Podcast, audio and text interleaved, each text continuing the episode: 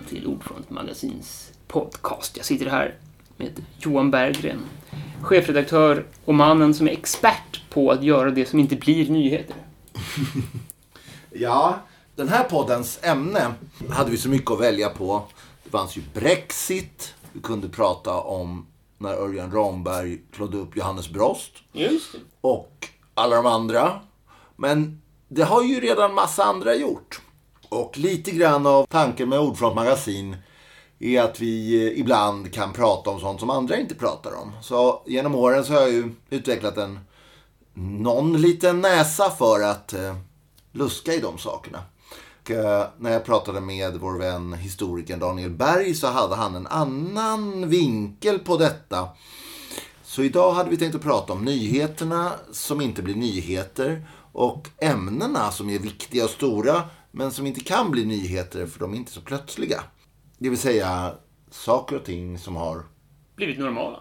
blivit normala. Låt mig ge ett exempel på en nyhet som borde vara en nyhet, men inte blir en nyhet. Från och med nu så kommer inte det finnas några räddningsskepp på Medelhavet. Inga alls. Redan strax före jul så togs det sista NGO-skeppet ur bruk på Medelhavets böljor. Ett franskt skepp som, som var Läkare Utan Gränser förbjöds helt enkelt att åka runt och rädda folk.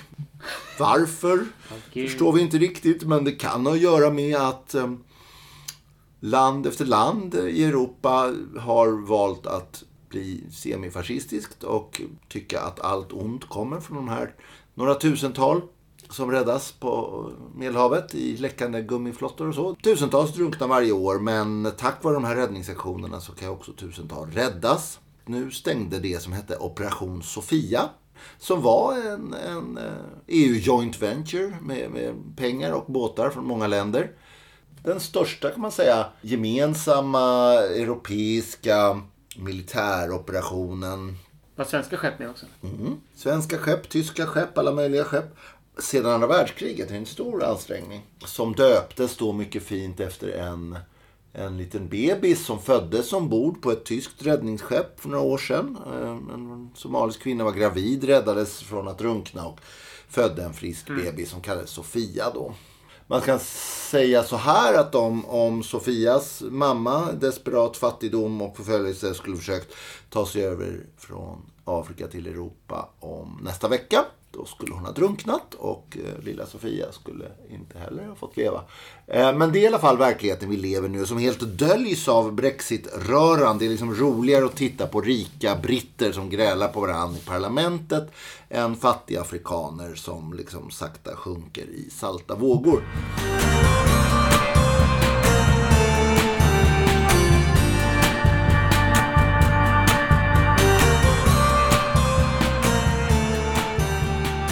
Den här enorma antihumana vändningen som EU nu tar eh, orsakas akut av, av den nya italienska regeringen under Matteo Salvini som är ju en ny fascist helt enkelt. Vägrar helt och hållet att upplåta Italiens eh, resurser, flotta och eh, liksom eh, kustbevakning till detta. Visst är det ganska unikt ändå att förbjuda NGOs Mm. Ja, ja, att visst. hjälpa? Ja. Det är inte så att man Nej. stäng, stänger ner de Nej. statliga Där- de, resurserna. De, nej, de får ju inte komma i hamn. Det är det. De får inte använda staternas hamnar som, som liksom anlöpsport med de här då nödställda eh, som har räddats. Och eh, det blir omöjligt att bedriva den här verksamheten om man inte får använda hamnarna. Ja, det är också det är unikt överhuvudtaget. Det går mot alla maritima internationella lagar och regler att man förbjuder sina kustbevakningar, sin flotta och även frivilliga från att rädda nödställda till sjöss. Det har ju annars varit en urgammal hävd till sjöss att nödställda hjälper man. Oljetankrar har ju stannat och hjälpt små ensamseglare trots att det har kostat liksom oljebolagen miljontals kronor att de har stannat. Men det gör man och det är ingen som på något sätt Nej. har ifrågasatt det på det viset fram till nu. Men nu ska de inte ens räddas och köras tillbaks till Libyen. De ska inte ens räddas och sättas i ett fångläger utan de ska låtas drunkna. Det finns ju en, en cynisk resonemang bakom att om de vet att de kommer drunkna så kanske de inte ger sig ut på havet. Problemet är att det här är människor som har tagit sig hundratals mil, som inte har ett öre, som har skräck och fruktan för svält, fattigdom och krig som piskor. Dessutom kommer de gående genom Libyen där chansen, förlåt, risken att de ska tillfångatas och säljas som slavar till exempel är ganska överhängande. De kommer helt enkelt fortsätta ta risken. Folk kommer fortsätta ta risken. Och folk kommer nu i större utsträckning drunkna. Är inte det där också typiskt signalpolitik som går igen i högerns politik generellt? Jag tänker på narkotikafrågan så är det också så att man vet att ens politik med hårda straff och eh, stängda gränser som ändå släpper in väldigt mycket knark som är orent. Ja. som- Det leder till högre dödstal och så, men idén är att det skapar en signal. Just man kan, man kan ju känna liksom att det här med signaler, va? Det, det är ju på något sätt någon sorts... Jag tror att, eh, att folk till höger, folk radikal höger och, och reaktionära har någon idé om människor, stora grupper av människor som entiteter, enskilda identiteter. Flyktingarna är en sorts stort liksom en massa med någon sorts hive mind som man kan tala till med sådana här åtgärder. Men jag menar den 20-åriga unga mannen som håller på och vandrar från Nigeria genom Chad just nu i en dröm att faktiskt kunna försörja sin familj genom något arbete i Europa. Jag tror inte han nås av den här nyheten. Jag tror man frågar honom vad Operation Sofia är så har han ingen aning. Är det en tjej? Jag vet inte. Han har ingen koll alls. Han har en dröm. Eh, samma med de då liksom syriska flyktingar som försöker ta sig ifrån ett oerhört fattigt och överfolkat flyktingläger för att de vill att deras barn ska kunna gå i en vettig skola. Jag menar, de nås inte av eh, salvelsefulla tal från liksom, den italienska parlamentet. Det är ingen som bryr sig. Det har väl finns- visats med dödsstraff också som signal att det inte Ja, påverkar alltså, kriminalitet. Nej, just det. Ja, det beror ju på vad du har dödsstraff för. Om man skulle införa dödsstraff för felparkering skulle felparkeringarna gå ner. Om du inför dödsstraff för att använda heroin så kommer ju inte heroinanvändandet gå ner. Så det där är ju en sån. sån. Men, men framförallt här är det ju inte, de är ju inte ens medvetna om straffet som, som förväntar dem. Det är ju som att införa en strafflagstiftning men inte berätta det för någon. Utan de, de här människorna är ju då, ska dömas till döden i en sorts utspel till de egna väljarna i, i hemländerna. Ja.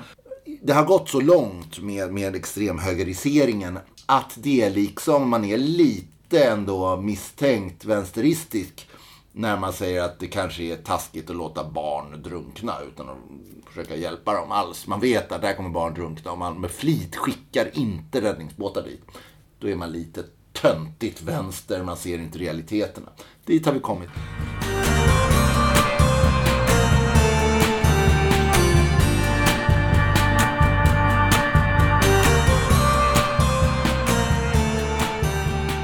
Sen har jag en annan nyhet som inte har blivit en nyhet och det är spännande.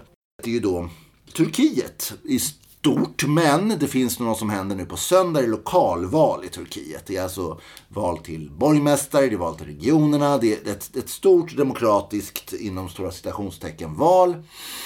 Och nästa val i Turkiet är ju som om fyra år. Så att det, det här är ju liksom sista gången folket kommer kunna få säga något i alla fall, även om det kommer vara påverkat och det kommer vara fusk om i Erdogans liksom tagande totalitära stat.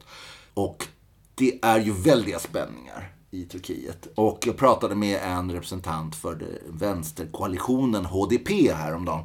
Som berättade om läget. Och HDP är ju då ett parti som de senaste valen har ju då enat dem på något sätt mm, separatistiska eller frihetssträvande vänsterkurdiska krafterna och andra små gröna, socialdemokratiska, kommunistiska vänsterpartier i, som är då mer turkiska.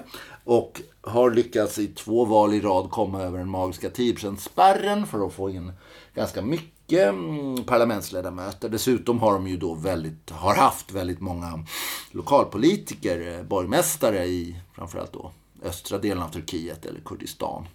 HDP har ju då från ha varit ett, ett parti som nästan för 2013-2014 varit nära att vara med i koalitioner som bildat regering blivit, eh, efter den här kuppen och efter Erdogans eh, avtal med EU om flyktingarna så har de blivit hårt förföljda. Eh, efter det avtalet var i hamn så var ju Erdogan ganska och, och, säker på att EU inte kommer att protestera. Mm, för att han har det här hotet. Och efter den här kuppen från högergeneralerna så blev han ju av med USAs röster i landet. Så USA kommer inte att representera. Dessutom har han ju Trump på tronen. Trump har inget problem med att högerradikala semidiktatorer rensar ut. Så har ju alltså förtrycket i Turkiet har ju varit helt enastående hårt. Det är alltså hundratals, om inte tusentals journalister och akademiker har fängslat på rent politiska grunder. Massvis med kurder sitter i fängelse. HDPs egna parlamentsledamöter har blivit uppklodda och släpade i fängelse. Många dussin städer där HDP haft valda borgmästare har borgmästarna helt enkelt avsatts och många satts i fängelse. Och helt enkelt Erdogan-trogna borgmästare har satts dit. Jag menar, det, är ju, det är helt enkelt en komplett torpedering av demokratin. Det är helt enkelt eh, en, en, en, en väldigt spänd situation i Turkiet och de här lokalvalen kan betyda väldigt mycket. Det kan betyda någon sorts folkligt stöd för en annan utveckling och kanske det kommer att visa sig att den auktoritära regimen måste ändå på något sätt förhandla med oppositionen och eller kurderna. Eller så kan det bli massivt valfusk, våld, kravaller, ett närmast inbördeskrigsliknande eh, tillstånd. I det här tillhör ju att då en, en väldigt populär HDP-parlamentsledamot som heter Leila Güven, hon hungerstrejkar sedan fyra månader. Hon kan dö när som helst. Hon har fått med sig massvis, hundratals i fängelserna runt om i Europa som också hungerstrejkar. Som också håller på att dö. Flera stycken människor då, som sympatisörer har bränt sig själva till döds i fängelserna. Och HDP har ingen kontroll över det här. Det, det här kan ju bli en epidemi och jag menar när det här händer som en otrolig social orolighet. YPG som är ju då i, i Syrien är ju i stort sett samma sak som PKK. De har ju haft stora framgångar. De kan ju inte bara lägga sig på rygg nu. Och man får tycka vad man vill. Man kan tro vad man vill och på Öcalans liksom frihetliga demokratisering av den tidigare rätt stalinistiska organisationen PKK. Det kanske är helt sant, det kanske är helt falskt, det kanske är någonstans där mitt emellan. De är i alla fall en kraft att räkna med. Och om det här valet verkligen totalt fuskas bort, polis slår ner demonstranter, skjuter folk, arresterar folk, så är det en påtaglig och hög risk, det spelar ingen roll vem du frågar, att Turkiet dras ner i det moras av, av inbördeskrig och interna stridigheter och, och, som Syrien och Irak redan har befunnit sig i nu i flera år. Och det här är ingenstans på nyheterna. Det, det, är liksom, det är inte ens en notis. Och det här är ändå ett jättestort land som ligger precis i Europa, till och med vid Europa. Vi har massvis med handel. Vi har ett stort fett flyktingavtal som hindrar bra många fler miljoner invandrare, eller då förlåt, immigrant, migranter att nå Europa än att låta några tusentals drunkna i Medelhavet. Det står inget om det i tidningen.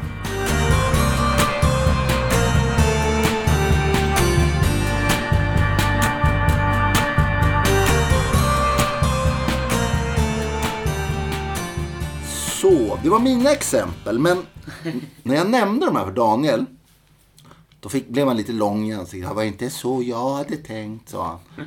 Berätta vad du hade tänkt när vi sa saker som inte blir nyheter. Jag hade ju tänkt utifrån ett längre historiskt perspektiv. Historiskt perspektiv. Mm, jag följer ju knappt med nyheterna. Nej, det är sant. Det är mer det att jag inte vet vad som är en nyhet ens idag. Det gör du rätt i. Det går väldigt fort också vad som är en nyhet. Ja, visst, visst. det har ju kanske nyheter. Jag menar, Sean Banan till natur- exempel. Var är han idag? Ja, Ja. ja. Du har ingen aning om det? Eller? Nej. Nej, det är bra. Eh, och Men vem var Sean Banan? han var en underhållare. Han Okej. var stor ett tag. Ja, Nu är han borta. Eller kanske han inte är. Han kanske har ett Instagramkonto eller något. Ja, men hur som helst. Jag förstår vad du säger. Um, idén jag hade var ju att vi så snabbt nu ser på förslag idag som extrema och absurda som bara för en kort stund sedan var det normala. Det Ah, var ju okej. det som en ingång. Att normaliteten flyttar sig Ja, så snabbt. Just det. Men det var jättebra exempel du tog ju. Ja. Med sjölagen och sjömoralen Ja, den, men, den, Två, men, tre men det intressanta, intressanta är att nu, den förändrades liksom nu här i ett slag. Men jag tänker på saker som, har föränd, som förändrar sig över tid utan riktiga webbplatser där, som, som, där man kan göra nyhet av det. Ja, just det. Jag, jag, eh, mitt paradexempel är alltid Centerpartiets politik. Mm. Därför du jämför med ett valmanifest från 70-talet under Torbjörn Fälldin och ett valmanifest från nu under Ayn Rand. Då är de helt olika. Hon är Annie Lööf heter hon, förlåt. Hon är yngre än Ayn Rand. Eh, det är verkligen så här. Men ingenstans i Centerpartiets historia har man haft en palatskupp. Man har inte sagt att nu slänger vi den här liksom gamla mossiga socialliberala decentralistiska projordbrukspolitiken på soptippen och blir nyliberaler. Det har man aldrig sagt utan det har bara, mm. nej, oj. Nej men det, det är som om Vänsterpartiet kommunisterna fortfarande ska heta Vänsterpartiet kommunisterna men var för en total avreglering av arbetsmarknaden och ett starkt försvar. Mm. Och ingen, det hade inte, skulle inte hänt något under tiden. Man skulle bara fortsatt samma. Just det. Ja, så det är ju en sån sak. Det blir inte, exakt det är ju rätt. Det blir ingen nyhet. Det blir aldrig någon nyhet när det inte är en kupp eller en, en någon, Nej, precis. Mm. Men Daniel, berätta. Vad har du tänkt på? Ja, en sak jag tänkte på det var hur självklart vi idag ser på kommersiella budskap i vår allra närmsta sfär. Så att säga. Mm. Nu är det klart i telefonen och i datorn. Och...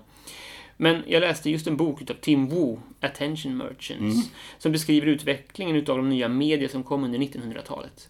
Ja. Och varje gång de här nya media kommer, radio först till exempel, mm. bio också, under 20-talet, så är man ganska överens politiskt över blockgränsen om man så vill, att det här är en utopisk teknik som ska förhöja mänsklighetens väl och ve. Det här är till för bildning och experimentlusta utav mm. kreativa själar. Väldigt snarlikt det vi känner igen från 90-talets internet som, ja. var, som var med. Liksom. Precis så pratade man om radio. Ja. Det var ju helt nytt att få ett än någon som pratade med en rakt in i ens hem. Ja, ja, där man tidigare hade varit med sina barn och sin, sin, ja, sin storfamilj. Och ja, ja, så, men det var väldigt privat sfär. Skulle en främling komma in var den tvungen att knacka på dörren, bli inbjuden, skrapa av fötterna och liksom. Ja, ja så det var en mm, stor mm. grej att komma hem till någon. Det var liksom, skulle man då mitt i den här eh, sfären man sitter och lyssnar på Bach eller lyssnar på ett... Eh, det var mycket sådana symfoniorkestrar ja, som det i början. Ja. Skulle man då slå på så är det reklam för Coca-Cola och tjena tjena bananmimi. Ja. Då skulle det menade man också från eh, högerns håll. En stor kris, kulturell kris, en, en, ja. ett hot mot den här familjen också. Ja, du menar att, att reklam, reklamen är numera överallt? Ja, ser det. Alltså, jag, jag ser ju flera avsättningsytor direkt här. Jag tittar mig om i, i, i ditt hem. Ja. Det är inga reklamskyltar.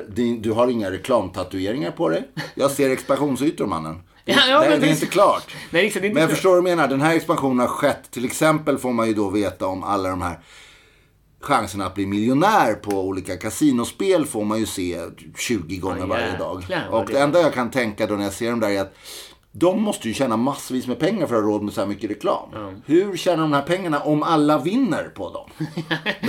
det måste vara någon sorts dold välgörenhet. Det är helt enkelt George Soros som ger bort alla sina pengar. Antagligen. Och sen är det ju inte bara dem, va? utan alla andra gör reklam överallt hela tiden. I TV, ja. på våra datorer, på, i våra telefoner. De ringer upp en ganska ofta. Mm. När jag ska gå ner och handla så står det ju en stackars ungdom och ska sälja på mig någonting på ja. stan. Och du menar att det här, som då jag ser som någon sorts nyliberalismens triumf över precis allt vad som är anständigt. Nu antar jag en, en ståndpunkt som Yngve Holmberg, den gamle högerledaren, skulle ha kunnat hålla med om.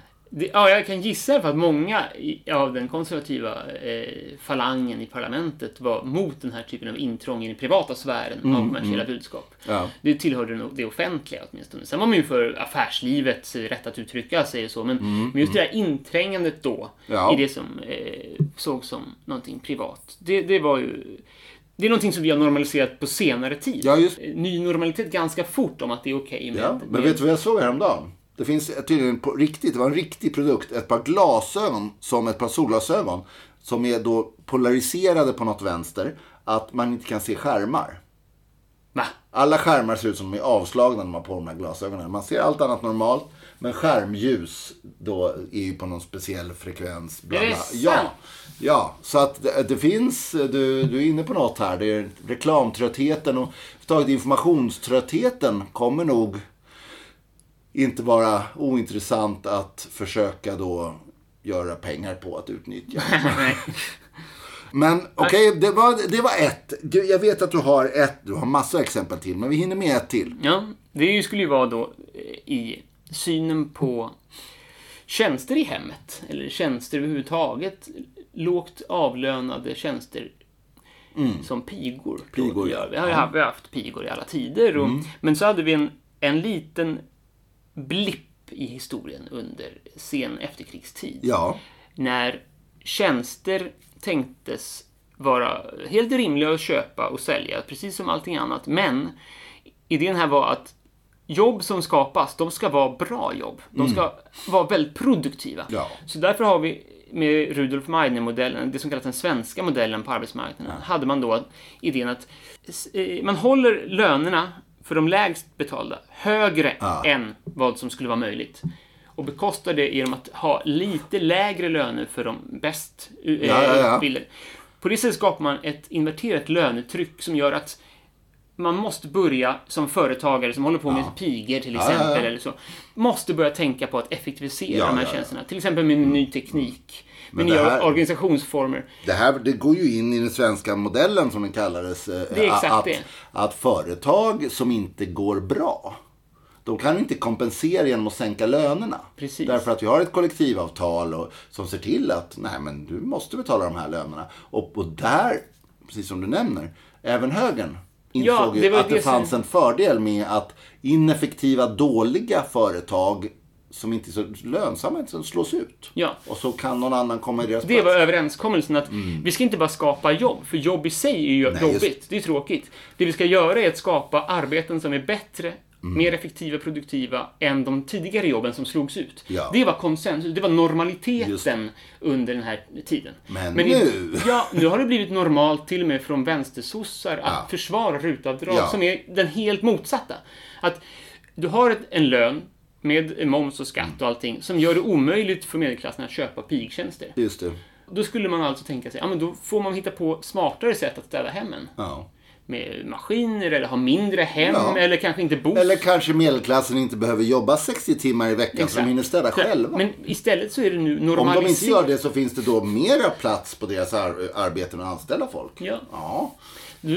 Men nu har det blivit normaliserat att göra motsatta den svenska modellen. Mm. Just det. Ja, då skattefinansierar Ja, ja, vi. Eh, Så de fattiga betalar skattesubventioner åt de rika att anställa till icke marknadslöner. Ja, just, just det. Pigor. Ja, ja. Så, och det Nej, det anses ju nu så normalt. Ja, så, men det, var, det var där jag kom in. Så att det har skapats en sån omkastning av normaliteten på bara några decennier. Som Ja, slog, Nej, slog men alltså den, den aggressiva nyborgerligheten från 90-talet och framåt, den har ju inte ens kunnat vänta på att marknaden ska göra jobbet åt dem och återinföra klassamhället. I många fall, stora omgörningar i samhället för en större ojämlikhet har ju då eh, skattepengar behövt skjutas till för att få lite skjuts på ökningen av klasserna. Jag menar den stora, i, i Stockholmsområdet, den stora privatiseringen av allmännyttiga bostäder. Där subventioner, den subventionerades ju med vansinnigt många miljarder. Därför att när staden då sålde ut lägenheterna, bostäderna till folk som hyrde dem. Så var det ju långt under marknadspris varje gång. I Uppsala, som också var moderatlett, där sålde de också ut, men till marknadspris. Jag tror att en eller två bostadsföreningar, eh, rättsföreningar bildades under den tioårsperiod. När då halva Stockholm såldes. Därför att i Stockholm mutade man folk med en miljon eller två emellan.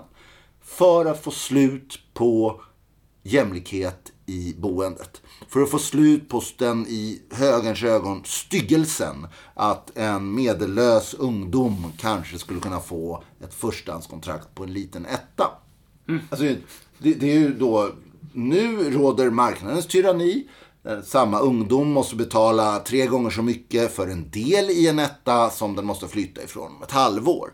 Reformen gjorde boendet för svenskarna jättemycket sämre. Utom för en rik 5-10% av befolkningen som numera kan komma till Stockholm med en enorm sedelbunt på 20 miljoner och köpa sig en fin lägenhet och börja bo nästa vecka.